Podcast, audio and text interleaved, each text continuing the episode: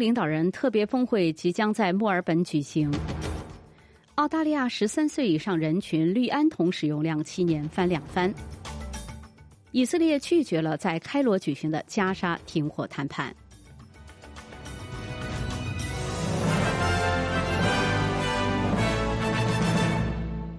以下是新闻的详细内容。总理阿尔巴尼斯称，东盟领导人特别峰会将是应对地区安全和经济挑战的一个重要机会。来自东盟成员国和东帝汶的领导人将出席在墨尔本举行的为期三天的会议。此次活动还将纪念澳大利亚成为东盟首个对话伙伴五十周年。东盟是亚洲第三大经济体，世界第五大经济体。阿尔巴尼斯总理表示，在当前的国际环境之下，共同寻找解决方案和规划未来方向至关重要。他说：“这主要是为了开展尼古拉斯·摩尔提出的工作及他的东南亚二零四零年经济战略。该战略概述了澳大利亚面临的机遇，通过与印尼、菲律宾和我们的邻国合作，在这里创造就业机会。”这不仅有利于澳大利亚的经济，也有利于我们这个充满不确定性的世界，有利于我们的国家安全。菲律宾总统小费迪南德·马克思表示，他对此次峰会充满了期待。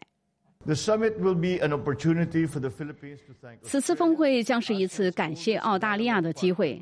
澳大利亚是东盟历史最悠久的对话伙伴。他坚定不移的支持法治，支持1982年联合国海洋法公约和2016年仲裁裁决，通过及时的支持声明以及能力建设来提供帮助。我们期待有机会在墨尔本与菲律宾各界会面。东盟的十个成员国包括有文莱、柬埔寨、印度尼西亚、老挝、马来西亚、缅甸、菲律宾。新加坡、泰国和越南、澳大利亚、柬埔寨社区的成员在墨尔本举行抗议活动，呼吁改善其祖国的人权和民主现状。柬埔寨新首相洪马内是出席东盟峰会的代表之一。维多利亚州工党议员孟祥德表示，他认为澳大利亚政府在向柬埔寨政府施加外交压力方面做得不够。他说：“应该考虑实施签证禁令和资产冻结，以阻止他所称的针对澳大利亚侨民的持续恐吓。”原住民大学生贝利·迈尔斯已完成了从西澳大利亚州珀斯到家乡新南威尔士州纽卡斯尔的十七点五公里徒步旅行。学习工程学的迈尔斯决定徒步六千公里，为原住民扫盲基金会筹集资金。他说：“虽然他过去曾进行过一些一百公里的徒步旅行经历，但从未进行过如此长的路线。他预计至少需要六个月的时间来完成。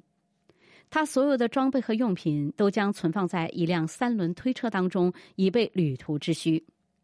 在准备过程中，他采访了第一位环绕澳大利亚徒步行走一万七千公里的女性泰拉罗阿。”他告诉 NITV 新闻频道，他想做一些事情来激励他人，并同时能强调扫盲和教育的重要性。我真的恳请每一位澳大利亚人都能明白，勇气是人生当中任何重大行动的第一步。澳大利亚作家罗宾·戴文森也说过：“迈出第一步的勇气是你所需要的最重要的勇气。”此后的一切都只是走过场而已，因此我鼓励每一个人都在生活中采取力所能及的行动，真正尝试以某种方式为自己的生活采取行动，以自己真正想要的方式去生活。在过去的七年里，十三岁以上人群中氯胺酮的使用量翻了两番，目前有九十万人表示在一生中尝试过氯胺酮。虽然在医院环境中使用氯胺酮是安全的，但街头的需求导致警方每月查获的氯胺酮数量迅速上升。在最近的一次大规模击获中，一名十八岁的英国居民试图用数个行李箱装载二十公斤的麻醉剂通过悉尼机场海关。在此之前，二零二三年共激获氯胺酮八百八十二公斤，高于二零二二年的四百一十五公斤。澳大利亚联邦警察局担心犯罪分子正在加大进口这种违禁药物的力度。储备银行上个月宣布决定更新五元纸币的设计，向澳大利亚原住民文化和历史致敬。新设计将取代已故英国女王伊丽莎白二世的肖像，而纸币的另一面将继续展示澳大利亚国会。储行助理行长米歇尔·麦克菲表示，所有澳大利亚人都有机会就新设计如何展现代表澳大利亚原住民的元素提出意见。储行也会与各个州及领地的原住民组织直接沟通，以宣传这次活动，并鼓励大家发表建议。公众可以在三月一日至四月三十日期间，通过储备银行的 Reimagine the Five Dollar 活动网站提交建议。设计想法将由一个由原住民代表、储行和造币厂高管等组成的专家小组进行评审。主题确定后，将邀请原住民艺术家进行具体设计。整个新五元纸币的设计过程预计在今年内完成。三年一度的澳大利亚全国药物策略家庭调查最新报告公布，自调查开始监测以来，首次发现年轻女性使用非法药物的几率与同龄的男性相同。联邦政府的澳大利亚健康与福利研究所于周四。公布的二零二二至二零二三年度调查访问了全澳两万一千多名十四岁及以上的人士，对烟草、电子烟、酒精和非法药物的使用情况和态度。调查显示，澳大利亚人的吸烟率持续下降，而电子烟的使用量在二零一九年至二零二二到二零二三年之间增加了两倍，其中年轻女性使用非法药物的情况有所增加。您正在收听的是 SBS 中文普通话节目。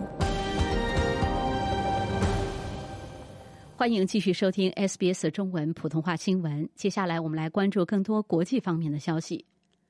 据以色列媒体报道，在哈马斯拒绝了以色列提出的提供一份仍然活着的人质完整名单的要求之后，以色列拒绝了在开罗举行的加沙停火谈判。哈马斯代表团抵达开罗参加会谈，此次会谈被称为停火六周前的最后一关。但以色列报纸 Ynet 援引不愿意透露姓名的以色列官员的话报道称，哈马斯拒绝给出明确的答复，没有派出以色列代表团。美国官员早些时候曾表示，以色列已经批准了该提议，正在等待哈马斯签字。与此同时。世界卫生组织向加沙北部的西法医院提供了医疗援助和燃料。医生们表示，由于缺乏资源，放射科和肾透析科只能在一周的某些日子里运营。世界人道主义行动组织加沙协调官员阿卜杜勒纳希尔索博称，还需要更多的援助。Yesterday, Shifa Hospital. 昨天，西法医院接待了六百多名患者，他们缺少燃料，缺少药品，因此，今天世界卫生组织提供的援助将大大有助于西法医院提供服务，甚至扩大服务的范围。乌克兰总统泽连斯基称，如果乌克兰没有面临武器供应的延误，俄罗斯无人机的袭击本可以避免。此次袭击的多名受害者中，包括了一名婴儿和一名两岁的儿童。